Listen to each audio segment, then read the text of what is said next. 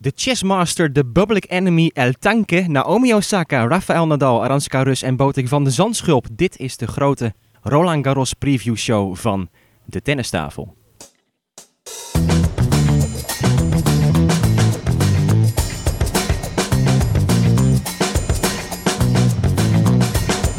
Please take your seats quickly, ladies and gentlemen. Thank you.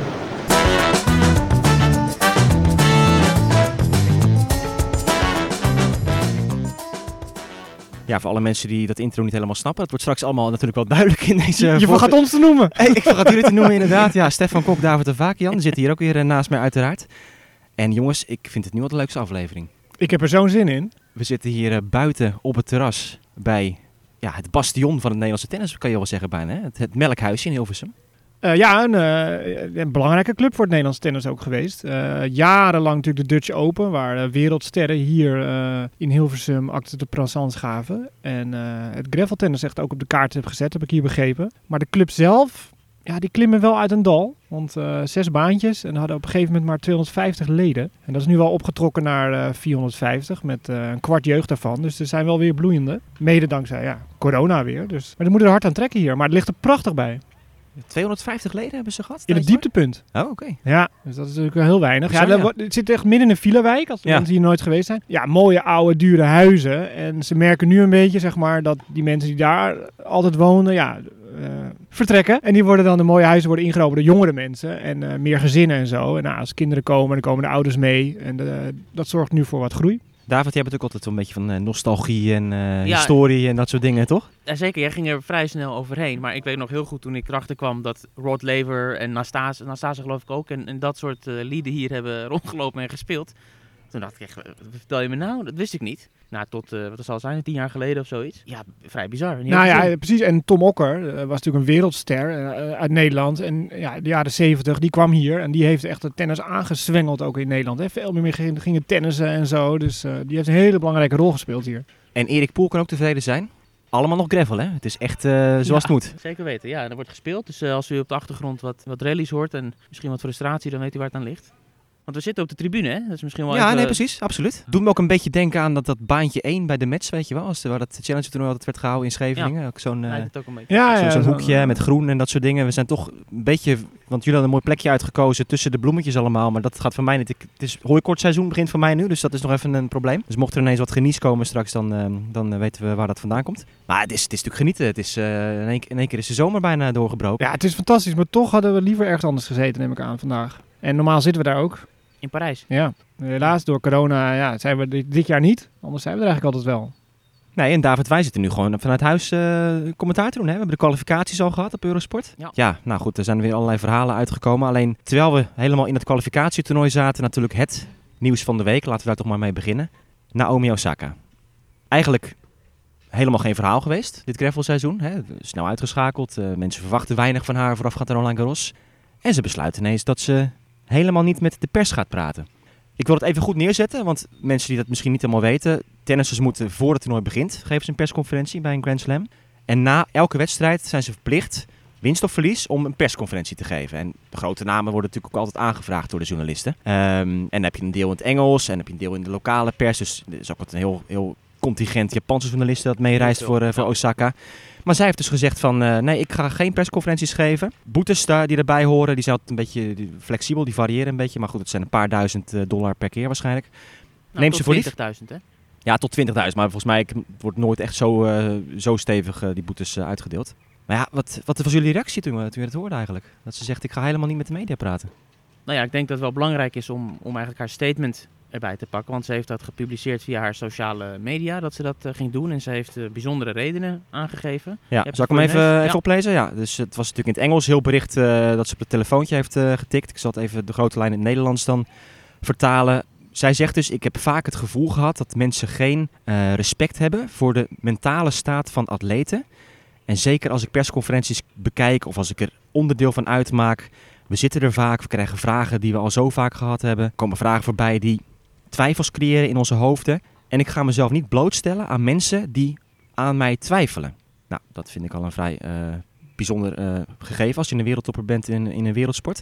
Ik heb veel clips gezien van atleten die een breakdown kregen in de perszaal na een nederlaag. Ik weet dat jullie dat ook hebben gezien. Ik vind dat deze hele situatie vergeleken kan worden met iemand een trap nageven als ze al down zijn. En ik snap de redenen daarachter niet. Dat ik geen persconferenties geef is niets persoonlijks richting het toernooi. Ik heb ook een aantal journalisten waar ik gewoon een goede band mee heb. Maar ik vind dat uh, organisaties die simpelweg zeggen: je moet je persconferentie doen of je krijgt een boete. De mentale staat van atleten negeren, daar moet ik gewoon om lachen. Dat zij zich zo opstellen. De boetes die ik krijg voor wat ik nu ga doen, dat ik die persconferentie niet geef, die uh, ga ik dan doneren aan een mental health charity, dus aan een goed doel.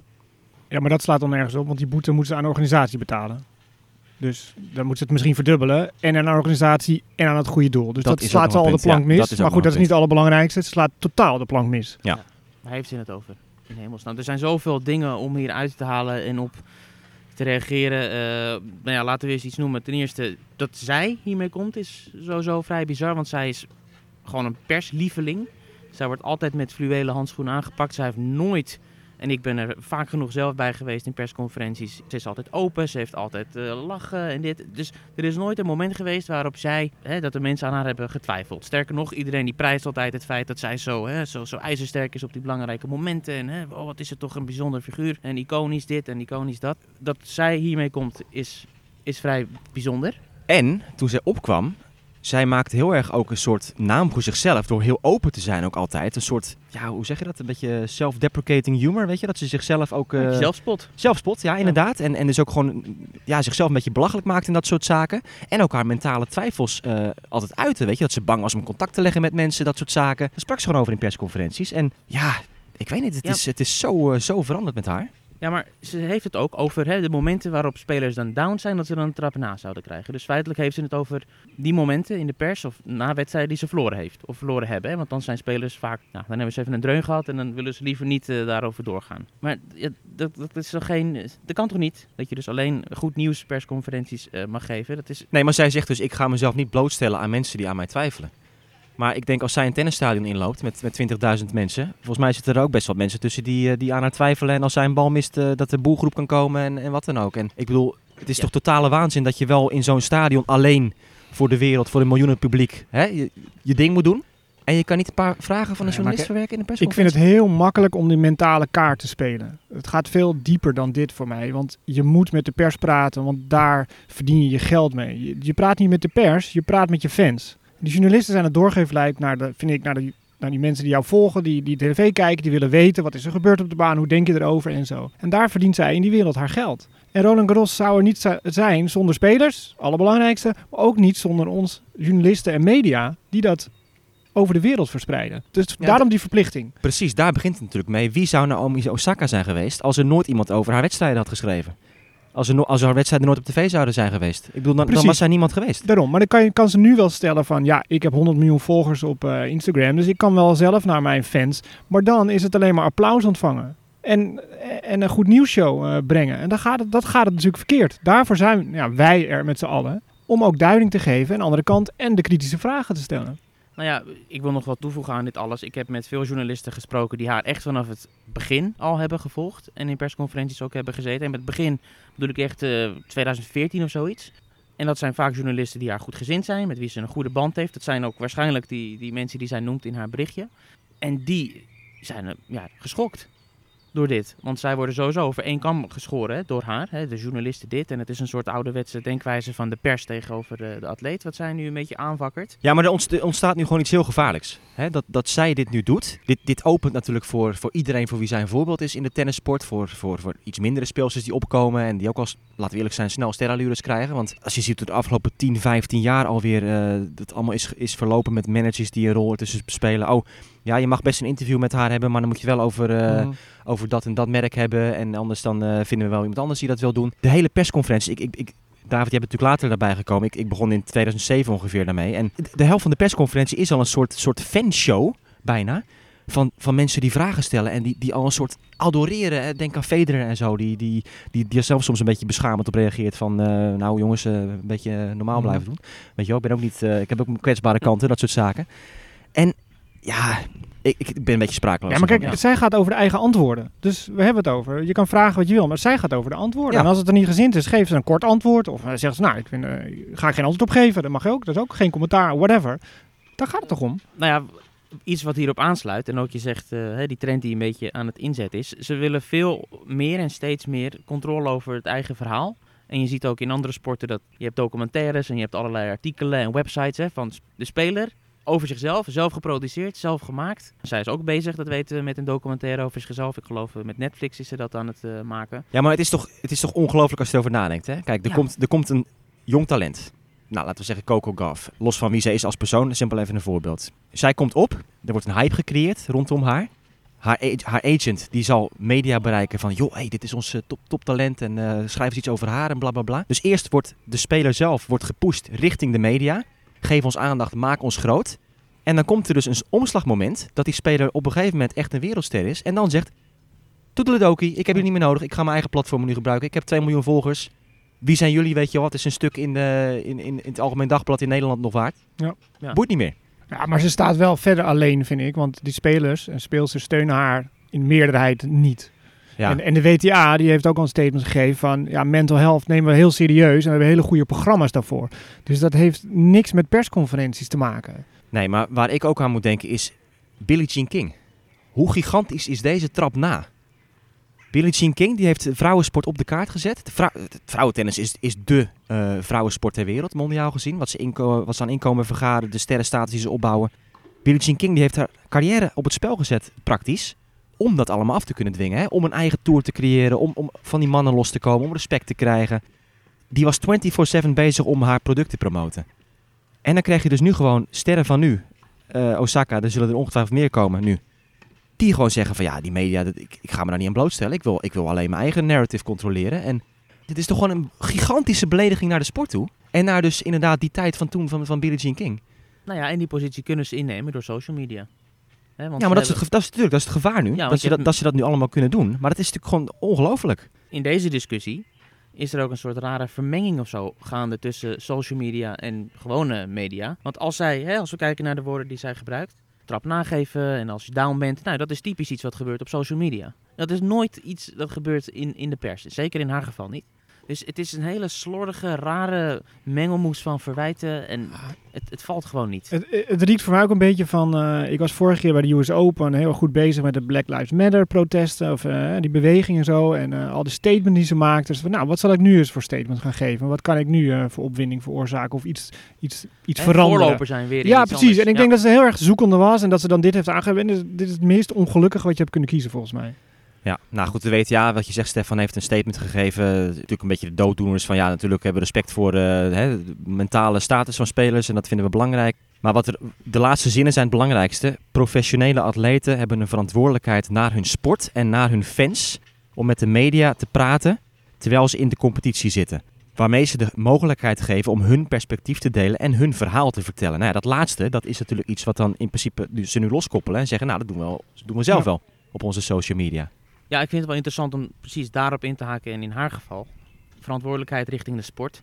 Nou ja, Osaka die lijkt een soort alternatieve realiteit te, te leven. Want zij is niet een van die, hè, die, die, die vaste krachten op de Tour. Ze heeft een heel licht schema. Zo vaak speelt ze nu ook weer niet. Ze speelt alleen de Grand Slams en misschien wat grote toernooien. Dus ik heb, zij is niet een onderdeel van, van die machine. Zij voelt zich volgens mij ook helemaal niet dat zij een onderdeel van is. En zij voelt ook helemaal niet uh, het gevoel binnen die organisatie. En dit soort uitspraken van haar, dat scoort natuurlijk ontzettend goed buiten de tennissport. En zij is veel meer bezig met het grote, het wereldse, mijn iconische status. En je zag het al, al die mensen die erop reageren, allerlei celebrities.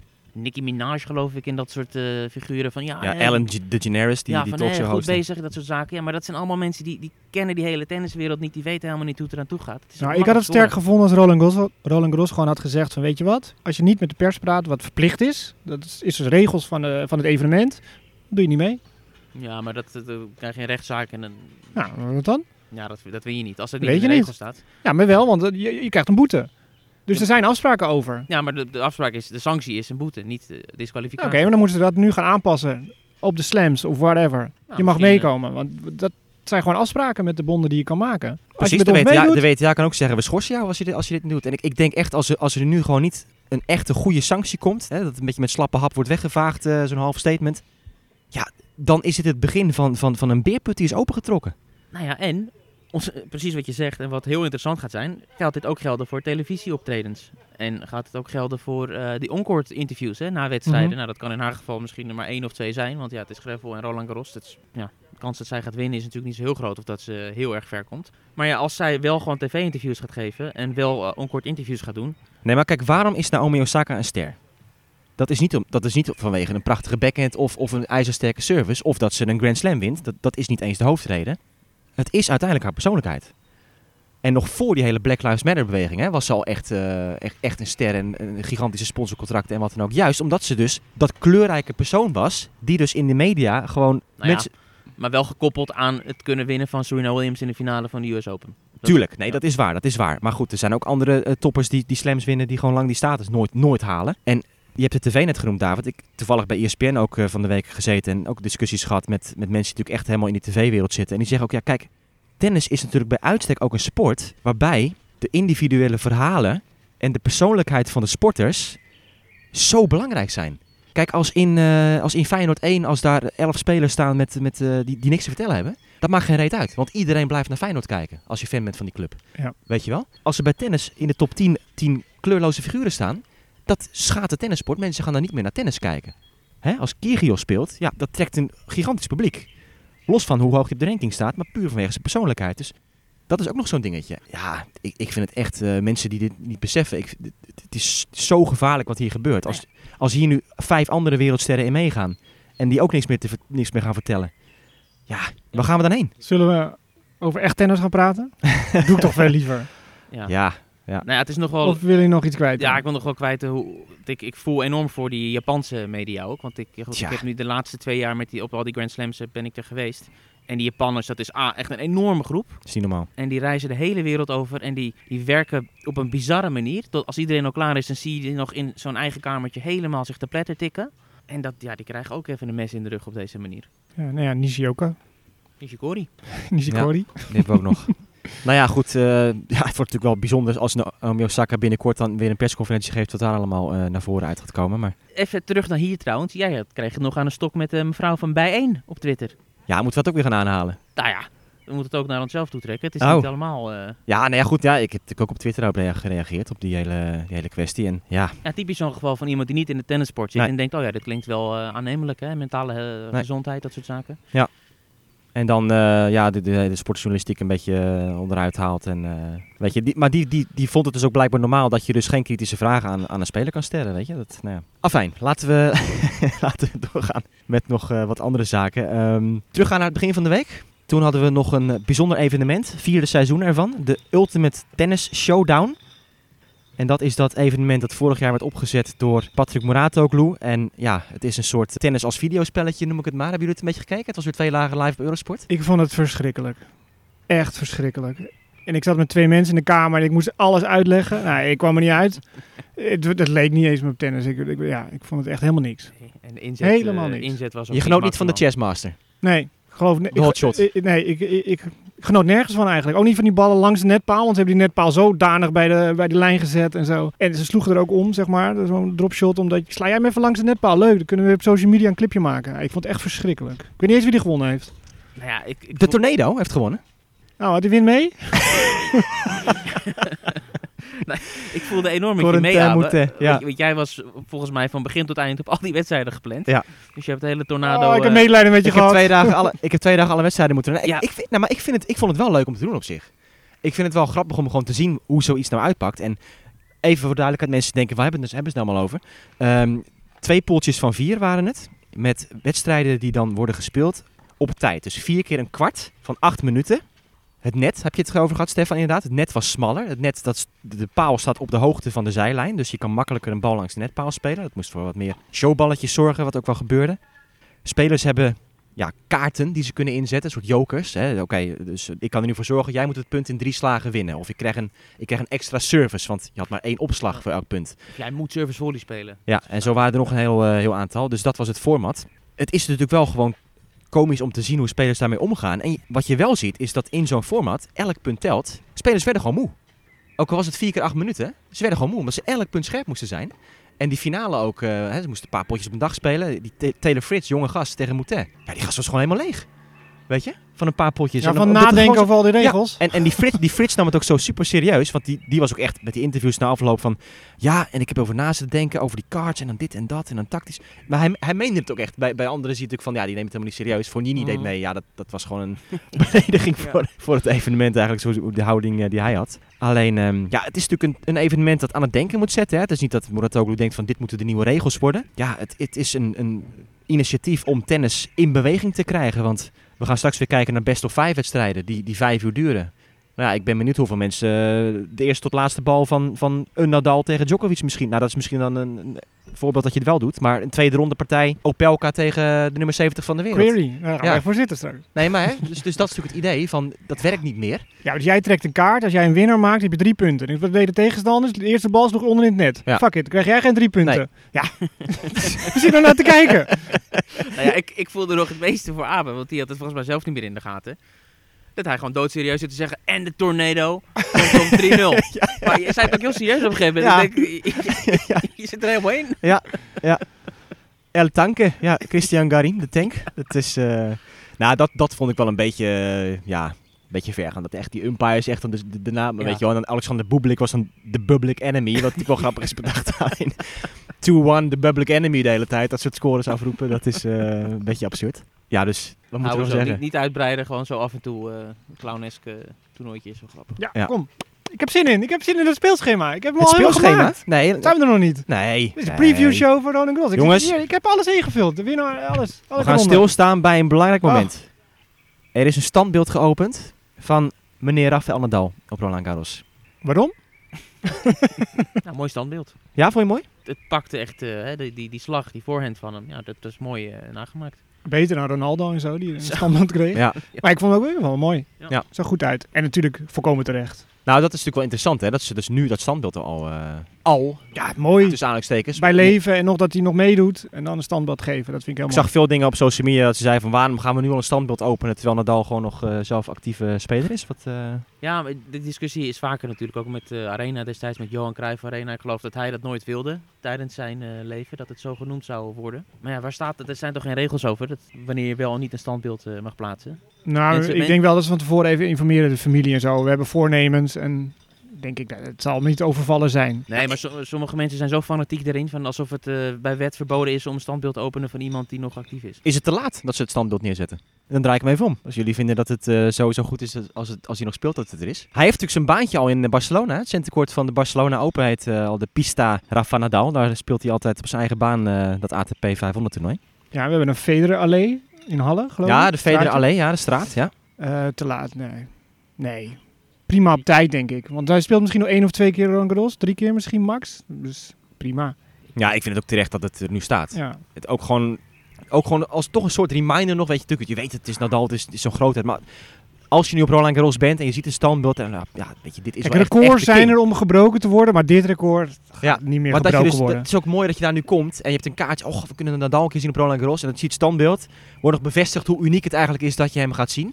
Ja, ik vind het ook, ik vind het ook mooi dat het, eh, dat het er al staat. Ja, maar Nadal die gaat natuurlijk proberen om zijn veertiende titel te winnen. Nou ja, nog belangrijker, zijn 21ste Grand Slam titel. Zeker, zeker. Absoluut. Stefan, ja, ja, jij, jij zit te Ja, popelen. ja, Ja. Ik, ik, ik er hou ervan om de dames voor te er trekken, maar we zitten nu zo in het, het zo in het bruggetje. Ik wil het zeggen, Stef. Vertel het ons. Gaat hij Ja. winnen of niet? Nee, nee jongens, nee. Oh. Je hebt geld op ingezet? Helaas. Half finale We gaan eh, de uitslagen van Roland Garros komen eraan. Stefan, ja. Alles is ingevuld, hè? Je hebt gewoon echt Ja, ik heb het alles ingevuld. Dat is niet te geloven. Ja. Dus eh, zeg maar welke ronde je wil weten. En eh, ik, ik kan het zo op, opnoemen. Nou ja, bovenste helft bij de mannen. Djokovic, Nadal en Federer. Eerste keer ooit in één Grand Slam toernooi dat ze in, hetzelfde, in dezelfde helft zitten. Ja, als je ziet, dan staat Nadal en Federer vlak bij elkaar in de eerste ronde. Maar het duurt wel vijf wedstrijden voordat ze elkaar eh, zouden ontmoeten op de baan. dus eh, zo dichtbij staan ze niet eh, bij elkaar. En ik zie Federer niet vijf wedstrijden winnen. Dus eh, die kunnen we schrappen. Nee, ja, goed, de vraag is inderdaad of, hè, want iedereen, oh, Djokovic, eh, Federer, kwartfinale. Ja, we weten helemaal niet of Federer er toe, toe in staat is om zo ver te komen. Kijk, Djokovic durf ik wel eh, in die kwartfinale te zetten. Die speelt nog de finale in Belgrado dit weekend. Ja, precies. Federer zou voor hetzelfde geld in het, kijk, waar staat hij? Hij moet tegen Berrettini misschien. Ja, dat is maar de vraag of hij in, in de huidige staat eh, van zo iemand wint. Zee, Ja, maar goed, Taylor Fritz, derde ronde. Dat, Ik vind Frit, die, bij de UTS, even serieus, zonder grappen. Frits stond goed te spelen daar zo. Dat is Ja. echt wel een onderschatte speler al- op gravel, denk ik ook hoor. Die kan echt wel wat. Ja. Maar zullen we dan even, als we het Federer even pakken nu. Ja? Het kan twee kanten op gaan. Of beste vijf. Oh shit, dat kan hij niet aan op deze leeftijd. Federer moet UTS gaan spelen. Nou ja, of, weet je, het is toch iemand die, eh, die altijd fan is van de, van de Grand Slams en altijd voorstander is van de beste five. En het meeste van zijn prestaties heeft hij in dit format hè, de belangrijkste dingen eh, bereikt. Dus misschien is het de, de andere kant op. Oh yes, eindelijk, ik heb wat tijd, ik kan lekker in zo'n wedstrijd werken. Dus het, valt echt eh, te bezien met hem. Nee, eh, eh, nee, zijn niveau is niet goed genoeg. Het zou zomaar kunnen. Ja. En, en, en, de, en de echte wil om eh, ver te komen door Roland Garros ook niet. Dat vuur is daar niet. Ik denk dat toch in zijn achterhoofd dat grasseizoen, dus een beetje heel blijven, een paar ballen slaan, misschien 1, 2, 3 potjes. Prima, en we gaan naar het gras toe. Laatste keer Roland Garros voor Federer. Potentieel. ik denk dat die kans wel vrij reëel is. Geen idee. Ja, speculeren. Ja, maar ja, wat zegt dat dan? Ja, dat hij dan Nee, extra goed, zijn eh. best gaat doen? Nee. Het zegt misschien meer over van, eh, hè, eh, ja, het is het einde van een tijd. Even voor alle tennisfans, even rekening mee houden. Dat misschien eh, de laatste keer Federer op gravel eh, in Nou zijn ja, carrière. dat Je weet het hadden niet. we- hadden we drie jaar geleden ook al, toen hij op een gegeven moment besloot Roland Garros niet meer te spelen. Terwijl Mhm. hij verder nog wel een vrij vol seizoen draaide.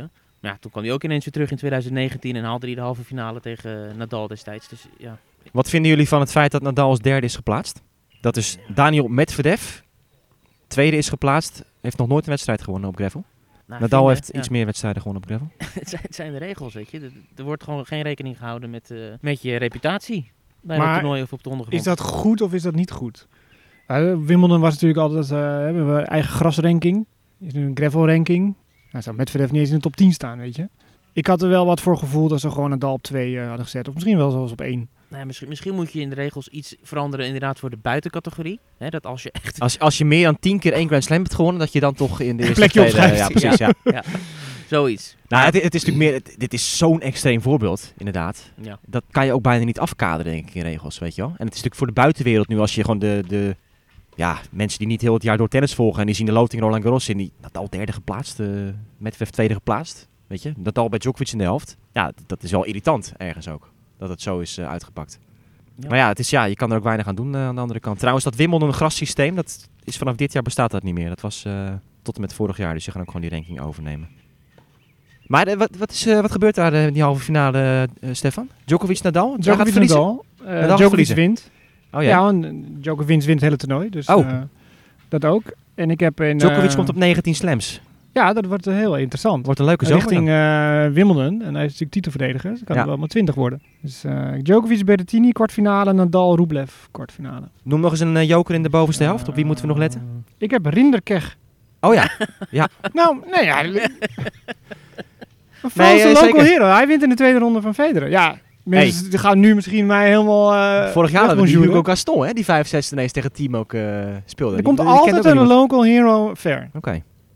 Hoe heet die volledig? Ja, goed. Ik Arthur ben niet met namen, hè. Ja. Hoe? Rinderknecht. Echte Franse naam. Wildcard. Ja. Wint van Silic in de eerste ronde. Hey. En die speelt in de tweede. Die wint van Roger. Ja. Rinderknecht. Nee, Roger verliest van zichzelf. En Rinderknecht staat ernaast. Ja. Die staat erbij te kijken. toevallig. Ja. David, heb jij nog eh, afwijkende meningen daar? Of eh bovenste Nee. helft? ja, goed. Ik, ik heb eigenlijk wel vertrouwen in Berrettini op een of andere manier. Dat is voor het eerst. Ja, dat sluit ook helemaal aan bij het verhaal van de laatste week. Hè? Ja. Dat, dat David zo enthousiast ook, altijd was over Ja. Berrettini in deze podcast. Ja, dus, nee, maar eh, ik, ik zei het voordat we begonnen met opnemen. Ik heb voor het eerst, hè, ik, heb, ik had het schema uitgeprint. En ik zei tegen mezelf, niet overthinken. Gewoon, je gaat nu alles langslopen. En je gaat eh, markeren waarvan je denkt van iemand, daar moet ik echt rekening mee houden. Nou, dat waren er niet zoveel. Maar Berrettini wel. Rinderknecht niet. dus ja, de bovenste helft. Ja, heb je daar nog staan. Je hebt een leuke eerste ronde. Goffin, eh Musetti. Karatsev, Ja, dat die is zit de- in dat kwart bij, bij Rublev, hè? ja en, en dat is iemand... Sinner zit daar ook. Karatsev. Nadal heeft met hem getraind gisteren, of gaat vandaag met hem trainen. En ik, ik heb zo'n vermoeden dat eh, Nadal denkt, ik wil eventjes eh, proeven aan meneer Karatsev voordat ik hem tref in de Kwartfinale kan. kwartfinale. Ja. Ik zie het zomaar gebeuren hoor. Als Karatsev tegen Rublev speelt.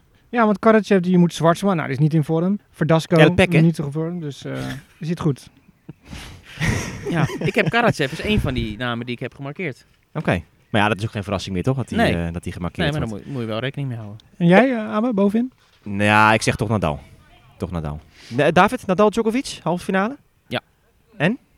Nou ja, dit is wel een interessant punt. Ik denk dat het voor Djokovic prettiger is om tegen Nadal in de halve finale te spelen dan in de finale. Want in de finale wordt eh, Nadal vaak toch een soort eh, ja, Super Saiyan. Dat was dat vroeger bij Dragon Ball Z, als, eh, voor de luisteraars van mijn generatie. Hè, dan wordt hij toch een soort eh ubermensch. Hoe, hoe heet dat?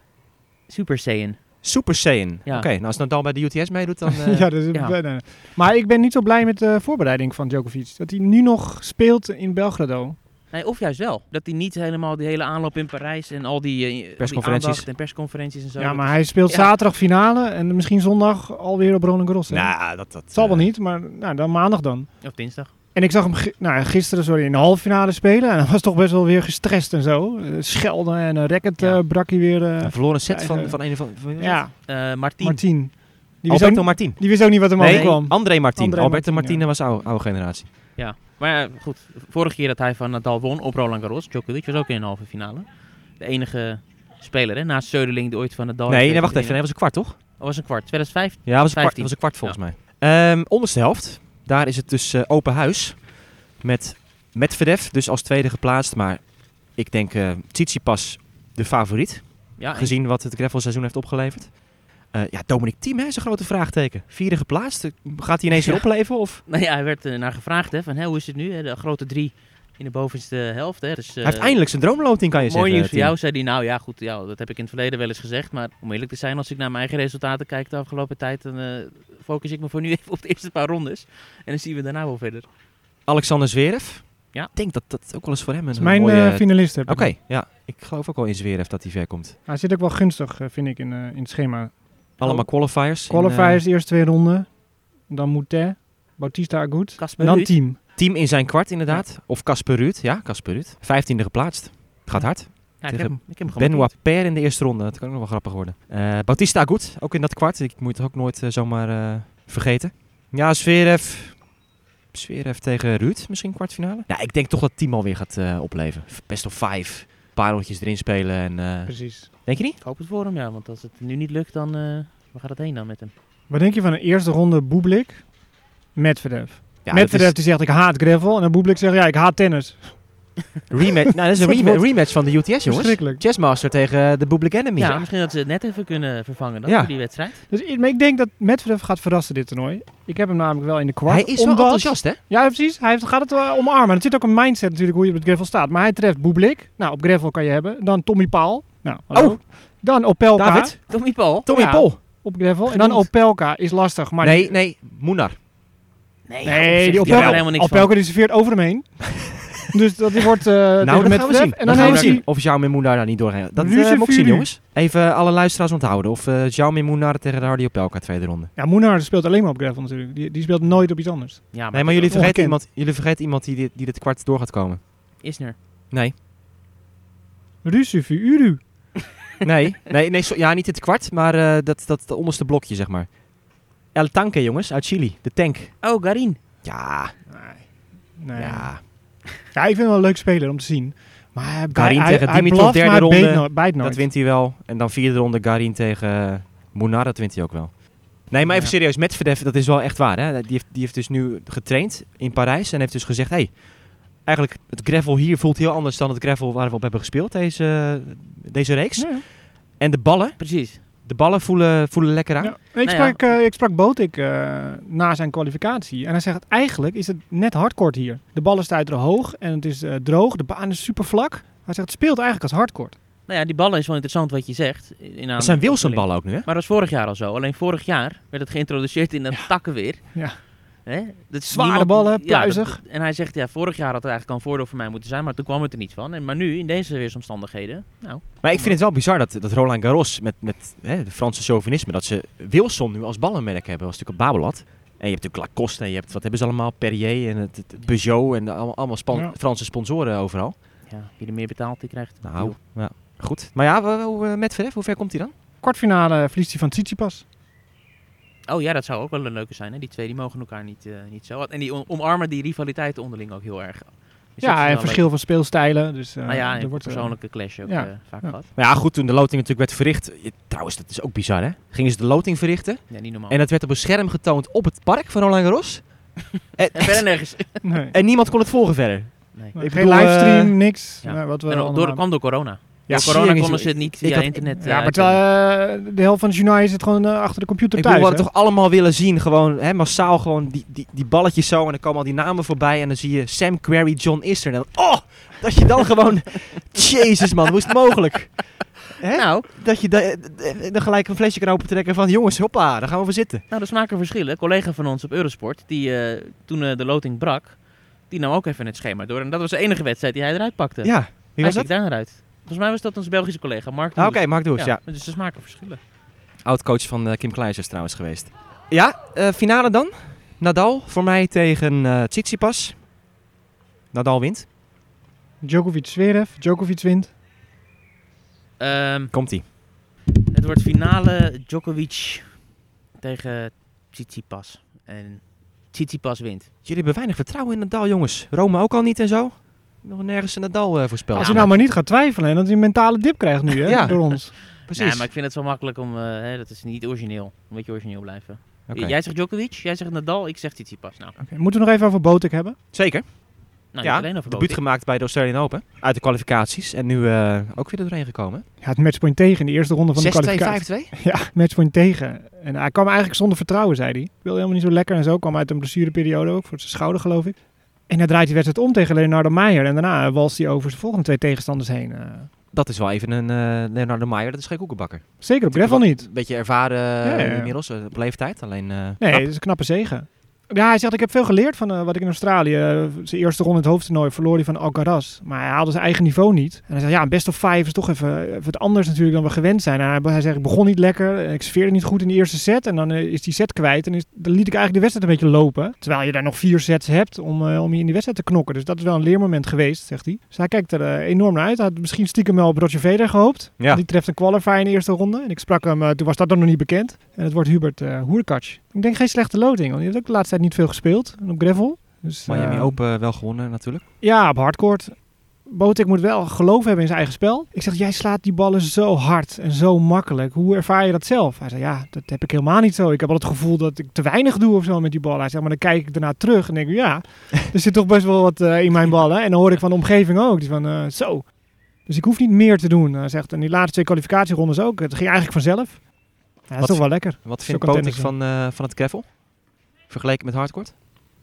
Nou, dat dit op hardcourt lijkt. De bal stuit het hoog, dat is ook in zijn voordeel. Ja, hij kan echt aanleggen natuurlijk. Hij speelt eh, direct met voorhand en backhand. En, eh, ja, en dat, die bal goed stuitert. Wij op de clubjes misschien zijn dat niet zo gewend. Ehm, het gaat het nog wel eens alle kanten op. En daar zei hij echt, de bal stuitert goed. Ja, het is ook dat, dat poedergravel een beetje. Hè? Zeker op die buitenbaan heb ik ook Ja. het idee dat er iets minder Heel fijn laag is het. ligt of zo dan op ja, het en minder mij. heel Maar- fijn. En eh, ja, dan word ik ook heel vaak gesleept, wat wij wat minder doen Ja. als we zelf spelen. Dus eh, ik zie hem wel een rondje winnen. Maar Griekspoor en Haase die eh, overleefden het niet, hè? De kwalificaties. Nee, zonde. Hij stond nog wel eh, goed ervoor in de eerste ronde, maar ja, helaas groot Renzo. Olivo. Ja, en, en die jongen waar Griekspoor van verloor in de tweede ronde, Giannissi, die heeft wel het hoofdtoernooi Ja. eh, gehaald. Want die won ook nog van Cerundolo daarna. Dat is een knappe zegen. Ja.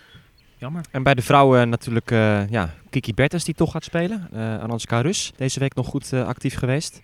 En verder ehm, ja, weer een aantal speelsters in de kwalificaties ook niet, eh niet doorheen gekomen. Eh, Leslie verloor eerste ronde quali. Eh Richel won wel een rondje. En daarna ja, toch wel eruit. En Inidi Vrome, ja, die beet eh, volgens mij het spits af. Bizarre wedstrijd. Eh 6-0, eh, 6-4, eh, 6-1 of zo. Weet ik, zoiets. Ja. Veel dubbele fouten weer. Veel fouten.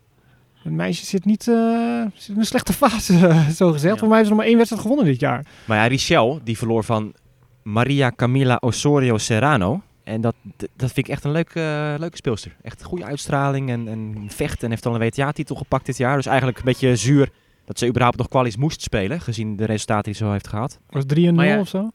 4-0 was Ja, heel tweede dik, set was ja. 6-0. Ja. Ja. Ja. Maar het is wel heel kort daarop inhaken, want je zegt het is jammer dat zij kwalificaties moet spelen. Dat heeft natuurlijk ook alles te maken met het wildcard-beleid in, eh, in Parijs. Want dat is nou typisch een speelster, zo'n Osorio, die onder normale omstandigheden, als de Fransen niet alleen maar de Franse spelers voor hadden getrokken, wel in aanmerking had mogen komen misschien voor een wildcard op basis van de resultaten de laatste tijd.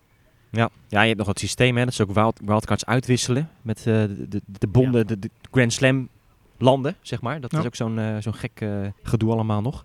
Aranska Rus, eh, de laatste jaren vaak iemand geweest die ook in de kwalificaties moest beginnen. Die kon deze week, omdat ze nu in het hoofdtoernooi staat, nog een extra WTA-toernooi spelen. En ik heb het zelf ook gezegd bij, bij ESPN, van dit zijn natuurlijk in principe de weken voor iemand 60, 70, 80 van de wereld. Ja, nu kan je slag slaan. Hè? Minder sterk bezette toernooi. En toppers die meedoen, die haken ook wat sneller af met, met kleine pijntjes. Zijn toch al met het hoofd wat meer richting eh, het Grand Slam toernooi aan het denken. En Rus haalt daar knap de, de kwartfinale. Ja, toen moest ze tegen een meisje, Jules Niemeyer. Nooit van gehoord, voordat het toernooi begon. Nummer 216 van de wereld. Uit de kwalificaties ook gekomen. En dan denk je, nou, misschien nog een halve finale die ze kan halen. Vorig jaar heeft ze pas voor het eerst een halve finale gehaald op de Tour, Aranska Rus. Dus dit zou een tweede kans, eh, was een tweede kans om dat te halen. Maar ja, die werd echt, echt gewoon weggeblazen. En meisje speelde goed, het Duitse niet meisje. geloven, man. Iets te stevig. Ja. Maar de ballen waren ook stevig. Zo. Zo, die stond uit te delen. Ja, maar ze had van Rodgers al gewonnen. En dus toen tegen Rus moest op dezelfde dag nog, want het was een beetje eh, slecht weer in Straatsburg eh, geweest. En ja, en ik, ik, voel, ik vond het ook een beetje lullig, want je zit dan die wedstrijd en het is dan 6-4, 6-1 wordt het. En dan, dan zie je ook al, zie ik zelf alweer de, de berichten in de krant voor en van, ja, Rus kwartfinale, weet je, verlies van de nummer 216 van de wereld. En dan zie je al mensen, oh ja, god, weet je, kwartfinale, als die ze hebben de niet gezien. en dit en dat. Maar dat meisje was gewoon zo ontzettend goed, daar kon ze echt niks aan doen. Nee. Dus ehm, ja, dat is gewoon balen. Ja, Zeker. maar wel veel wedstrijden gespeeld. Daarvoor hadden ze ITF-finale. Ja.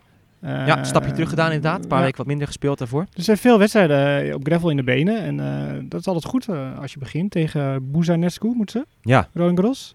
de NOS die schreef tegen een onbekende Roemeense. Maar dan Ja, denk ik van, belachelijk eh, doe je huiswerk. Ja. Ja. Voormalig nummer Zijn 20 van de wereld. Ja, top 20 volgens mij gestaan. Ja, En niet zo toen, lang geleden. En zelfs nog eh, in Nederland bekend. Om Ja, speelde heel vaak competitie. Nou, ik zal het nooit meer vergeten, want zij stond toen top 20. En ze week in, week uit, ze had echt een, een, een, zomer, dat was niet te geloven. En, en een voorjaar trouwens ook, dat ze gewoon gigantische sprongen maakte. En in één keer stond ze op een hardcorebaan te spelen ergens in Amerika. En ze gaat vol door haar enkel heen. En dat was echt zo gruwelijk om te zien. Echt zwaar geblesseerd daar geraakt. En toen eh, ja, heel lang eruit. En sindsdien eigenlijk niet meer dezelfde geweest. Maar dat was ook in één keer uit het niets. En inderdaad, de- iemand die volgens mij 5, 26 jaar was. Ze stond in Nederland eh, bij Lemonias volgens Ja, mij. volgens mij spelen. Ja. Ja. nu staat ze dus 150, 160 volgens mij iets in de richting. Maar dat is niet echt een loting waar we meteen al zegt voor Nee. eh Rus. Hey, Nee. dat is een intikker. En- Ook linkshandig. En als inzet een mogelijke ontmoeting met Serena Williams in ronde 2. Ja. Als Serena Williams weet te winnen van Irina Camelia Begu, ook een Roemeense. En met Serena heeft Rus nog een appeltje te schillen. Zo, ja. Vorige vorig zomer. jaar. Cincinnati. Serveren voor de wedstrijd? Maar ja, go- goed. eh, En Rus moet eerst nog zien te winnen van Buzanescu, wat lastig is. En ja, Serena in de huidige vorm, althans in de vorm van de afgelopen weken, is het maar de vraag of zij van Begu kan winnen. Begu, ja, goede greffelspeelster trouwens ook. Ja. Irina Camelia. Maar dat is Begu. de tweede helft, dus laten we bij het begin beginnen misschien. Is dat een idee? Stefan? Ja. Wie gaat er winnen? Dames en heren, tijd voor de uitslagen van eh, Roland Garros 2021. Gepresenteerd door de heer Stefan Kok. Ja, maar dat weet iedereen al. Dat is helemaal niet spannend wat ik nu ga zeggen. Oh, ja, ik weet het al wat jij gaat zeggen. Ja, dat weet iedereen die de podcast regelmatig luistert. Arina Sabalenka. Drop de mic. Nee, bovenste helft eerst. Wie gaat de bovenste helft winnen? Wie gaat de Oh, bovenste sorry. helft winnen? Dat was de Oh, vraag. ja, oké. Ja. Swiatek. Oh, Finale weer. oké. Eén van de twee titelverdedigers bij de dames. Want we hebben de tweede dit jaar, want Ashley Barty doet ook mee. En die deed vorig jaar weer niet mee. En die won in 2019. Ja, maar dan is ze niet de titelverdedigster. Nou, Er is maar één in titelverdedigster. de terminologie van de tennistafel noemen we dat Oh, twee titelverdedigers. Ik vind het een beetje appels met eh Bernarda Pera vergelijken. Want eh, Ashley Barty opent in de eerste ronde tegen... eh, Ik eh, zie eh, slecht, Coco Gauff... eh, ik zie Coco Gauff heel ver komen. Oké. Die heb ik al in halve finale staan. Die wint van Barty in de achtste. En dan eh Mugova heb ik nog daarboven in Mertens en Swiatek. Ik heb golf ook eh, gemarkeerd. Moegen we niet. Alleen, ja, ik, wist, ik weet niet zo goed wat ik met haar moet op eh, deze ondergrond. Help me. Nou, gravel is, is echt perfect voor haar. Oké, nou. Ja, ja, zeker. Dan zou ze zeker ook iemand zijn om, eh, Maar om te omcirkelen. Want in feite is het raar om te zeggen, want ze speelt ook best veel service volley en dat soort zaken. Ze doet, ze doet alles. Maar juist omdat ze zo breed alles kan toepassen, is, speelt ze ook graag op gravel. En Ja, ze speelt heel creatief zo. ook. Ja, ja, Dan klopt. kan je Ja. op gravel echt kwijt, creativiteit. Dus, eh, maar ze, ze heeft weer last gehad van die buikspierblessure waar ze begin van het jaar ook last van had. En daarom heeft ze de laatste weken volgens mij helemaal niet meer gespeeld. Alleen, ehm, ja, zij zit in het kwart bij Barty. Nou, als dat een kwartfinale wordt, dat zou echt wel heel, eh, heel cool zijn hoor. Dan krijg je we wel echt een- Barty? ja, dat zou echt wel leuk zijn. Dan heb je twee hele complete speelsters die tegen elkaar gaan spelen. Maar, ehm, Ja, Barty, afgelopen weken trouwens. Rome speelde zij en toen gaf ze op, hè? Ja. De- met een arm ja, overbelasting of zoiets. Ja. Chronisch, ze heeft een chronische armblessure en ze Ja. moest dan in de regen nog tennissen. En toen, eh, toen staakte ze de strijd inderdaad. eh, ja. En ze heeft kennelijk de afgelopen weken ergens eh, een clubje uitgezocht zoals Ja. deze. Hè? Als eh, het melkhuisje in Zuid-Frankrijk. En daar heeft ze zich voorbereid. ja, want Barty is dus gewoon op de Tour al sinds Miami hè. Die is, die is niet meer in, thuis geweest. En die, Dat is blij- die, maart. die blijft waarschijnlijk tot en met de US Open blijft ze gewoon op reis. Ja. Wat echt bizar is. Want Barty is ook echt iemand die heel erg houdt van, van thuis zijn, familie. En vorig jaar helemaal niet meer weg geweest en zo. Dus ik ben ook heel benieuwd hoe dat allemaal nog gaat Nou voor ja, haar. Of ze dat kan volhouden, mentaal ook. Komen we weer. Vorig jaar heeft ze natuurlijk het hele jaar thuis gezeten. Ja, nee, maar precies. Maar ja, goed, Ja. ja. maar dat is ook een klap. Als je dan van een jaar thuis nu eh, zeven maanden in één Ja. keer eh, kan je wel weer. al die toernooien gaat pakken. Eh, al die persconferenties, hè, mentale belasting. Dus ehm, ja, Ons Jabeur zit er ook in het, als derde ronde mogelijk. Dat zou wel leuk zijn, denk ik, op gravel. Svitolina, ja, die zit ook in dat kwart, ja. Ja, daar hadden we nooit rekening mee op de slams. Nou, zeker niet op gravel, vind ik. Die eh, verliest eh, van Krejcikova in de derde Ja, ronde. dat zou goed kunnen, ja. Daar moet ik zo nog commentaar bij doen bij die wedstrijd. eh, finale Strasbourg. Krejcikova, Hm. Kirstea. Dus, wie, dat kwart? Wie gaat er door? Swantek naar finale. Ja, en dat is het tweede kwart. Wie is het eerste kwart? Het tweede kwart hebben we nog niet over gehad. Iga. Sviontek Kenin kan trouwens een kwartfinale zijn. Dat was vorig jaar de finale. Nou ja, we hebben ook Muguruza nog ertussen. Ja, zeker. Ja, maar Kenin verliest de eerste ronde van Ostapenko. Oh. Dus dat kan niet. Finalisten van eh, vorig jaar tegen ex-kampioenen. Leuk Zeker. affiche is dat in de eerste ronde, zeker weten. Ja. Ja, het kan ook een gigantische flirtwedstrijd worden. Ja. Ostapenko, maar ja, ik moet eerlijk zeggen, meestal, eh laten we eerlijk zijn, zijn geen wedstrijden waarvan je echt eh, super blij wordt, toch? Ik vind dat eh Muguruza niet heel lekker zit. Nee, natuurlijk niet. Die eh Kostjuk, Ja. Nanso Ribes Torno. Martic speelt aardig. De tornado, Dan wat Swantek. zeg je? Ja. Sarah, Hebben we nog niet over gehad volgens mij, hè? Sarah, sorry, best door. Maar Ja. een paar weken geleden de recordwedstrijd eh, in Rome. Of, ehm, was het Rome? Ja, tegen Georgie. 3 uur 51. Oh ja, daar heb ik Ja. gekeken, ja. Dat heb je gekeken? Zeker weten. Tot het eind. Tot het eind. Vanaf, de laatste, vanaf het e- ene laatste Dat weet ik punt. niet meer. 3 uur 51, jongens. Sarah, sorry, best. Maar die, die, is gewoon letterlijk... Die heeft gewoon meer dan de helft van haar wedstrijden dit jaar. Ze langer dan twee uur. Want zij, zij kan alles terugbrengen. Maar ze kan geen bal zelf stellen. dat is best erg. Ja. Dat is best vervelend. Verdedigend is het is waanzinnig, weet Ja. je. Echt, eh, maar ja.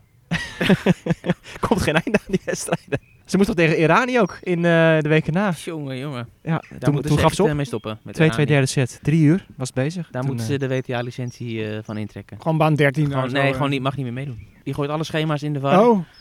Nou, En- ik zat En het is eh, geen, eh, geen eh, visitekaart. de kwalificatie te kijken. Ja. En ik hoorde gewoon Rani drie banen verderop. Die hoorde ik gewoon de hele tijd via de microfoon van de baan waar ik zat te kijken. Nederland. Ja, ik moest daar commentaar bij doen. En toen natuurlijk de herinneringen aan vorig jaar. We, we gaan geen nieuwe Bertus Irani krijgen, dames en heren. Dat is eh, oh, ja. in die finale? misschien wel jammer. Ik weet niet of, eh, of u van dat soort eh, ja, drama houdt. Alleen ja, was natuurlijk toen in die rolstoel de baan af. En Irani die... Die scheelde nog nog wat- wat na, hè, toen ook. Ja, en in de persconferentie ook... eh, hè, ja. Actrice, Kiki Bertens. Gaan we weer. Ja.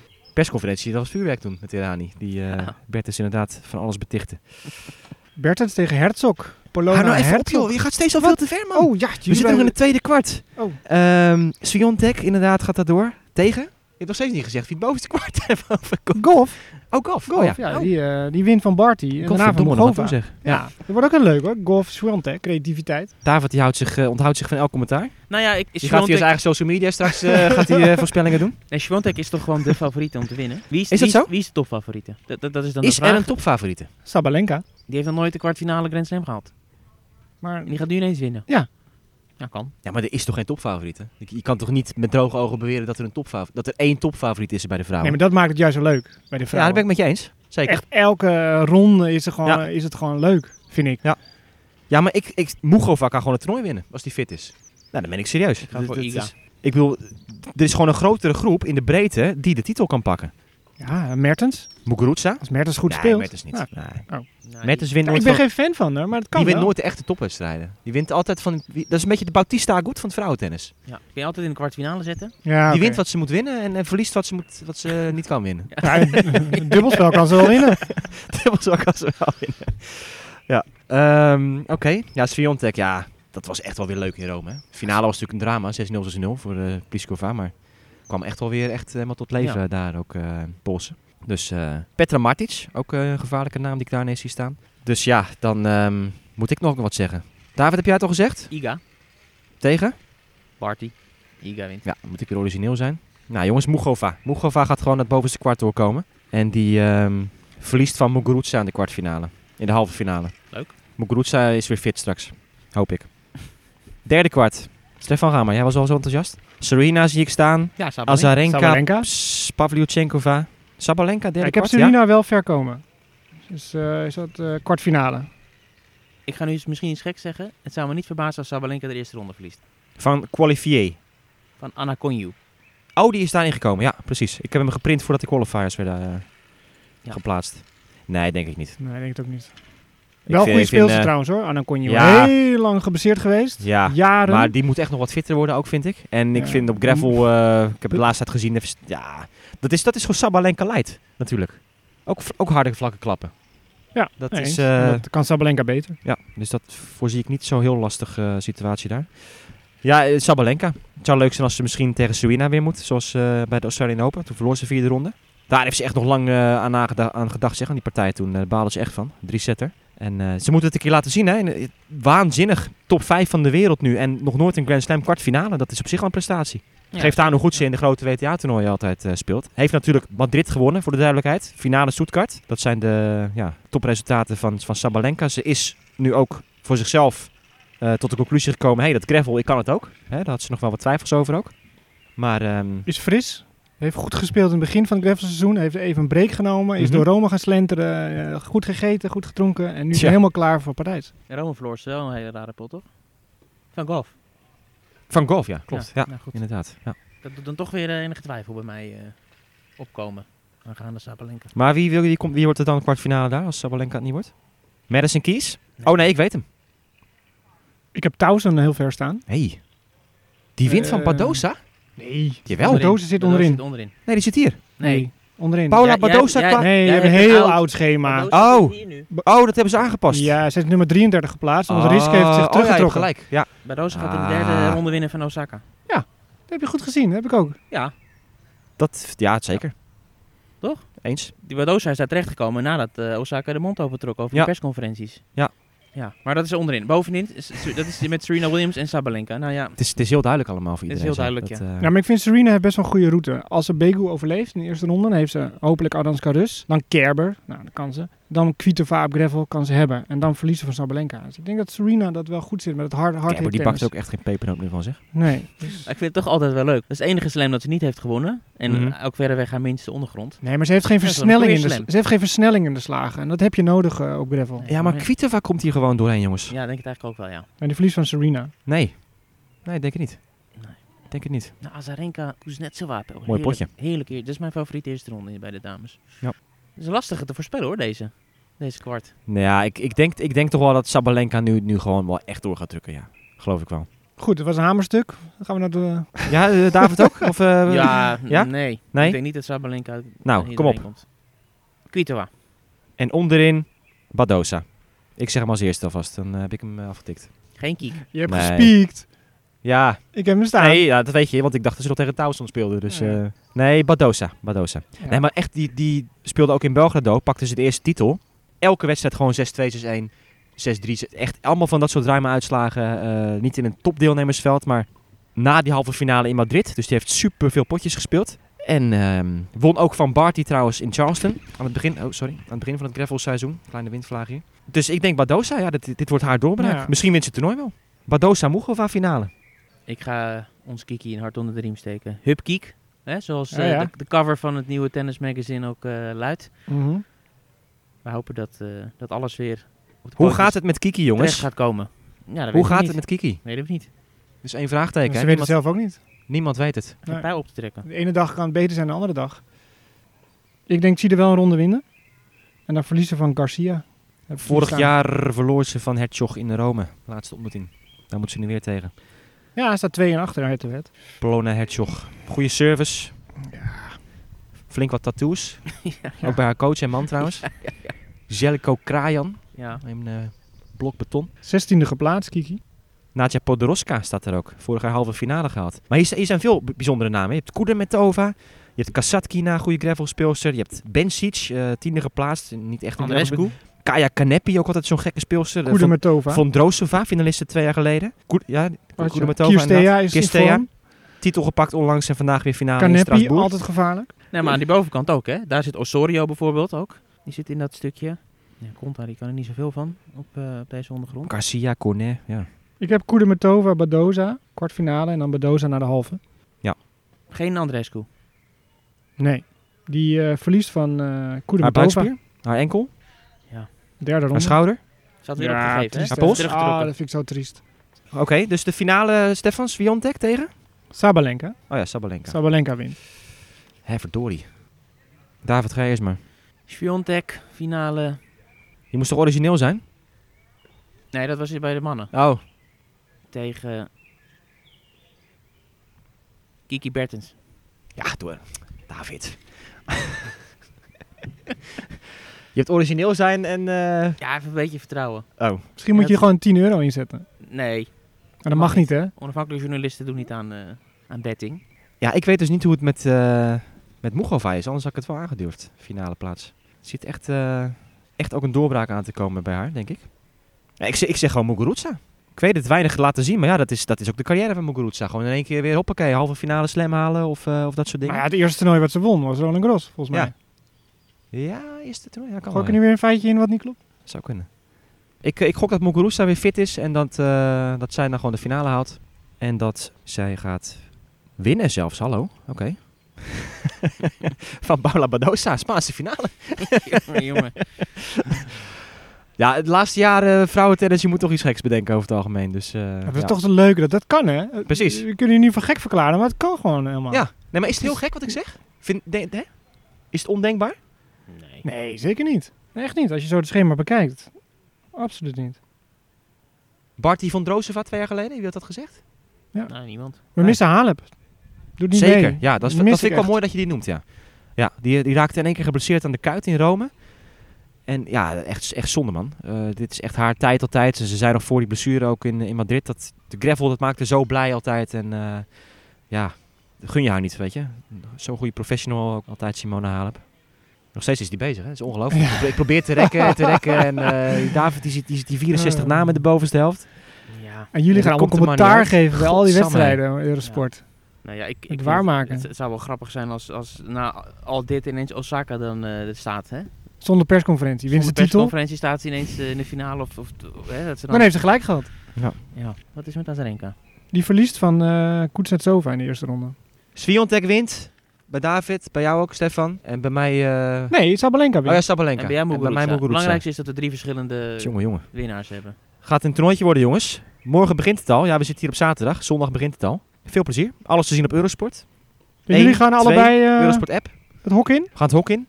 Ja. Maar ik ga mijn studeerkamer in. Lekker ja. man. Ja. Ja. Het is toch wel prettig hoor, moet ik zeggen. Beetje En, thuis. eh, eh, Over twee weken gaan we keihard lachen om deze uitzending. ongetwijfeld. Ja. En de luisteraars voor die tijd al, denk ik. eh. bedankt iedereen die dit heeft uitgezeten. Deze, deze voorspellingsshow. En we hopen op een prachtig toernooi natuurlijk daar op Roland Garros. Heel veel plezier daarbij. En misschien ehm, tussentijds nog een opname. Geen idee.